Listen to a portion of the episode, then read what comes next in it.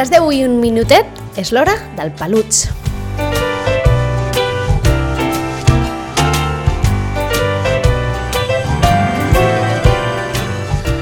el nostre espai dedicat als animals de companyia i que fem sempre de la mà de Valentina Mariotti, de Weekend Dog. Molt bon dia, Valentina.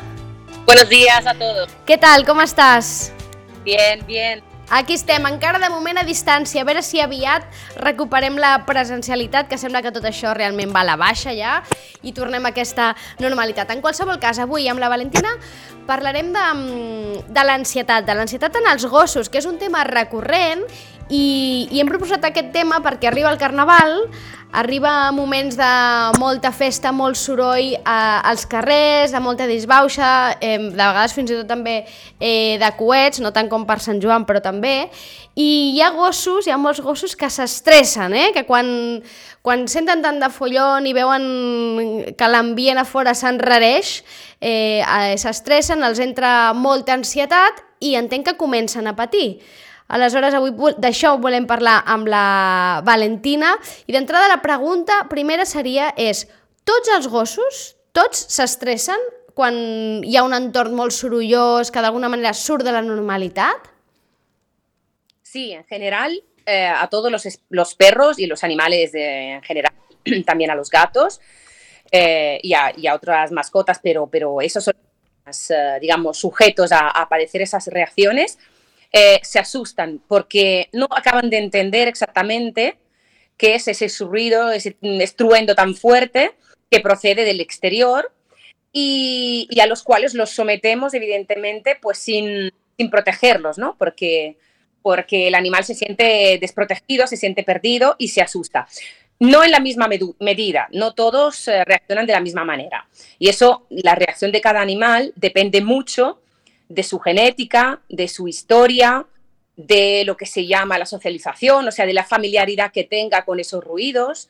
Em, y evidentemente hay que habituarlos o, o, o desensibilizarlos, ¿no? Según según tengamos que, que digamos, acostumbrarlos a, a esos uh -huh. ruidos para que no se asustan. Però sí que hi ha diferències entre, entre individu i individu, eh? D'acord, d'acord, és a dir, per tant depèn de moltes coses, eh? del que deia la genètica i també de la història d'aquell animal. Igual és un animal amb una història un cert traumàtica, no? i potser, o amb alguna experiència prèvia, amb alguna qüestió que li fa que, doncs, que aquell soroll li provoqui més ansietat. Però en qualsevol cas, Tenint en compte això, com ho fem? Perquè, clar, el que tinc clar és que aquests animals de companyia el que no podem fer és explicar-los que és carnaval, perquè ells no entendran això, no? No els, no els podem dir, ja, eh, gosset o gatet, és carnaval, ara hi haurà... Clar, ells això no ho entenen. Aleshores, hi ha alguna manera d'ajudar amb aquests animals perquè això, eh, aquest procés o, o aquests dies de, de, de soroll sigui una mica més eh, tranquil o ho passin una mica millor? Sí, eh, yo de hecho recomiendo en esta época de, de fiesta, pueblo, carnaval, también ese eh, se presenta en San Juan, cuando evidentemente tenemos bien una de, de petardos, de, de, y en general cuando hay tormentas también, ¿eh? porque uh -huh. esa, esa ansiedad que va acompañada a miedo y hasta incluso se puede convertir en una fobia, eh, es un respuesta que el animal no controla, no puede gestionar. Entonces, por mucho que intentemos consolarle o darle apoyo, no, no lo lograremos. Entonces, las recomendaciones que puedo dar son estas. Primero, no salir a la calle en los momentos del día en los cuales es más probable que se enfrenten a situaciones incómodas, cuando tiren pues tracas o cuando, evidentemente, evitar todo lo posible esas franjas horarias. Por lo tanto, evitar se llama una inundación. Eh, en términos etológicos, en términos técnicos, la inundación es la exposición a un estímulo en su máxima expresión, por tanto, o intensidad. Entonces, intentemos evitarlos. Por lo tanto, paseos más bien y en horarios, mmm, digamos, bueno, pues muy pronto por la mañana o bastante tarde por la noche, un mediodía, pues las horas, digamos, de menor Uh -huh. Segundo, procurar que si nos enfrentamos a una de esas situaciones, eh, ¿vale? Pero sin reforzarle. ¿Qué significa? Pues no acariciarle mm, cuando tiemble, miedo, intentando estar, pero sin reforzar.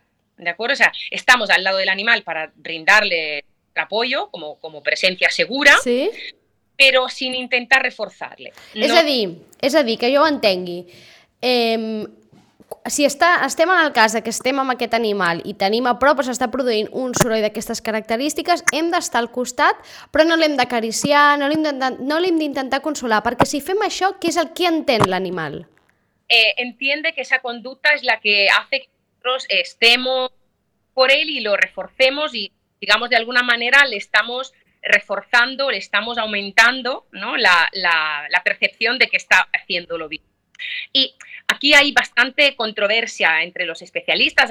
Hace unos años salió un estudio que decía que no podemos dejar, que es, que es correcto, que no podemos dejar al animal desamparado. O sea que hay que estar, hay que ofrecerle a nuestro animal nuestro apoyo, nuestra intentando no reforzarle, no hablarle, no proteger, sobre por- protegerle, porque estaríamos reforzando esa conducta, el temblor, la ansiedad, el miedo. Clar, és, que difícil, no? Perquè tu estàs veient el teu animal de companyia que està patint, però t'has com de contenir, no? Probablement et ve de gust abraçar-lo, dir-li tranquil, no passa res, però aquesta conducta no l'ajuda amb ell. Exactamente. Lo que sí podemos hacer para ayudarle es, por ejemplo, ofrecerle un cobijo en casa, un escondite. Nosotros eh, recomendamos hacer, por ejemplo, pues como unas cuevas, ¿no? Reproducir un mueble, mueblecito, mueblecito para que se esconda dentro, ponerles unas mantitas, algo con las cuales el, el con, con el cual el perro se sienta cómodo. eh, hacerle una, una caseta no en el exterior, sino en un lugar Uh ruidoso posible. De hecho, también puede ayudar, aparte, ofrecerle un escondite o safe, la zona segura, Sí? ser útil también bajar persianas, intentar las ventanas, intentar disminuir el impacto ambiental de los ruidos. Puede, puede ser interesante hasta poner algo de, como una música de fondo, aunque disimula, ¿eh? No el ruido. Evidentemente el animal seguirá asustándose, pero como digamos durante, durante, pues el momento en el que se, se tiran las tracas o hay petardos, etcétera, pues puede ayudar a disimular un poco el ruido de, de fondo. funciona millor. Vinga, seguim parlant de l'ansietat, eh, de com ajudar els nostres animals quan tenen aquests eh, moments d'ansietat per situacions externes que nosaltres no podem evitar. Eh, has comentat eh, doncs, aquestes primeres tres opcions, no? o aquests tres primers passos. El primer, evitar eh, sortir al carrer, això que deies de la inundació, eh? evitar, evitar sortir al, corre, al carrer en els moments mm, de eh, màxima exposició en aquestes situacions sorolloses o, o, o diferents que els hi puguin crear aquesta ansietat. La següent, no reforçar, és a dir, i aquesta em sembla interessant, eh? perquè aquí entenc que eh, els, els propietaris d'aquests animals han de fer un esforç gran i això significa que hem d'acompanyar, estar presents al costat del nostre animal en aquestes situacions, però no els hem d'acariciar, no els hem de reforçar a, aquest moment. I tercer, oferir-los algun amagatall dins de casa, no a l'exterior, eh? algun espai on es puguin sentir d'alguna manera eh, protegits no? per aquest so, so extern. Perfecto, perfecto resumen. Estos, esas son las medidas más, más interesantes también. Como última medida o como medida añadida, también se le mm, puede disminuir el impacto, digamos, de- del, del ruido, mm, digamos, disminuyendo la, la posibilidad de que los ruidos exteriores, pues, sean percibidos por el animal, por lo tanto, bajar persianas, cerrar bien las ventanas, ponerle una música de, de- de fondo. No es algo que, que sirva para completamente, digamos, hacer que desaparezca el ruido, pero sí disimulan un poco esto, crear un ambiente como de normalidad Uh -huh. y, y esto puede servir también para, para ayudar un poco. En algunos casos, como otra, como otra medida, podemos hasta ofrecer al, al, al animal pues alguna actividad mmm, distractora, ¿no? Por ejemplo, pues ofrecerle comida, ofrecerle eh, algún tipo de juguete, algo con el cual el animal se pueda sentir entretenido, uh -huh. eh, aunque en los casos de miedos extremos o de fobias, esa medida mmm, veríamos que no funciona, es decir, un animal bloqueado con mucho miedo no acepta ni jugar ni comer. Eso es normal, es una inhibición de, de las conductas, digamos, que están relacionadas con relajación. No, la, no las hace. Uh -huh. Pero en los casos más leves sí que puede ayudar a distraer un poco al animal. Eso siempre y cuando el animal no esté temblando, no esté jadeando, no esté eh, demasiado nervioso, no esté vocalizando. eh, no esté llorando, en otras palabras. O sea que todas esas medidas que funcionarían como refuerzo, las debemos de aplicar solo en algunos casos donde el animal está un poquito más tranquilo, eh, porque si no funcionarían igual que las caricias, com un refuerzo. D'acord. Valentina, i quan eh, tenim un animal que està en aquesta situació de, de gairebé pànic, no? de plor, de temblor, què, què podem fer? Hi ha alguna Allí... cosa? Perquè clar, aquí eh, estàs veient el teu animal patir i sí. no pots eliminar un so que ve de l'exterior i que és una festa i, i que tu no, no pots eliminar-lo. Evidentemente, en los casos más extremos, siempre bajo la supervisión de un especialista, de un veterinario en cualquier caso, se pueden administrar productos complementarios a las pautas citadas que pueden ser naturales o menos naturales, uh -huh. tipo fármacos. Uh -huh. Es decir, que en algunos casos extremos nos vemos obligados por el propio bienestar del animal a paliar su sufrimiento, como bien dices, con algún tipo de producto. Los hay de tipo naturales, pues nutracéuticos se llaman, que están hechos a base de triptófano, una molécula sí. que es la precursora de la serotonina, sí, sí. es un aminoácido esencial. Eh, podemos uh, utilizar también alfa-casozepina, que es una proteína de la, una enzima de la leche, que también tiene propiedades calmantes, naturales también. Podemos utilizar feromonas caninas, que son sustancias, eh, digamos, naturales también, que emitidas a, en el ambiente, pues tranquilizan al, al cachorro. Normalmente, bueno, emitidas en el ambiente cuando las compramos, ¿no? Y las, uh -huh. y las, pero en realidad son aquellas sustancias que la madre proporciona junto con la leche cuando amamanta a los sí. cachorros, que tranquiliza a los animales también cuando son adultos.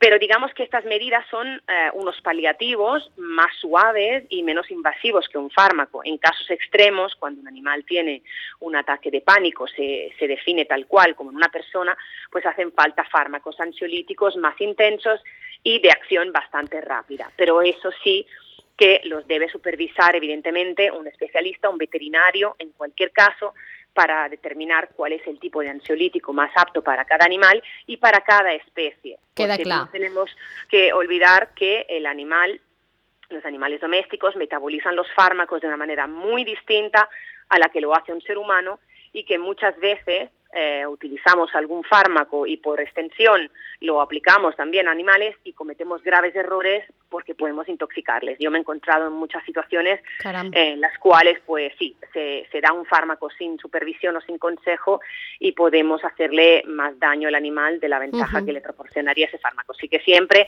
aquí insto a, a consultar un especialista. De fet, és a dir, això una mica és com amb, amb, la, amb, el, amb, les, amb els humans, eh? amb nosaltres, que eh, en principi els ansiolítics tampoc s'haurien de prendre sense supervisió mèdica, no? És a dir, l'automedicació mai és una, una bona companya de viatge, tampoc en el cas dels nostres animals de companyia.